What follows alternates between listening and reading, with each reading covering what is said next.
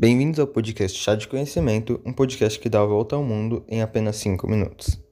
Bom, o tema de hoje são os povos de uma das primeiras grandes civilizações, a Mesopotâmia, uma região fértil para grandes plantações e grandes mentes.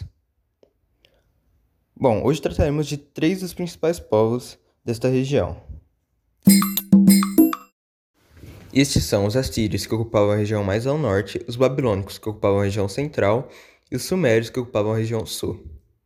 Estes três povos foram os principais impulsionadores para a construção da grande civilização que a Mesopotâmia se tornou.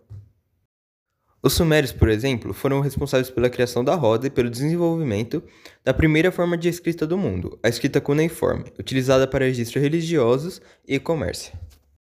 Já os babilônios foram responsáveis pela criação de uma das sete maravilhas do Antigo Mundo, que são os jardins flutuantes, e o desenvolvimento de um código de leis escrito. Aliás, o primeiro código de leis escrito do mundo, escrito com a primeira forma de escrita do mundo, o Código Hammurabi. Então, para finalizarmos nossos 5 minutos de hoje, os assírios.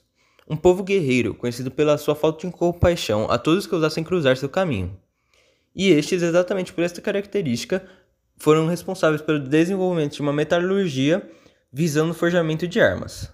Então, fechamos aqui com chave de ouro. Um bom resto de fuso horário a todos que assistem este podcast.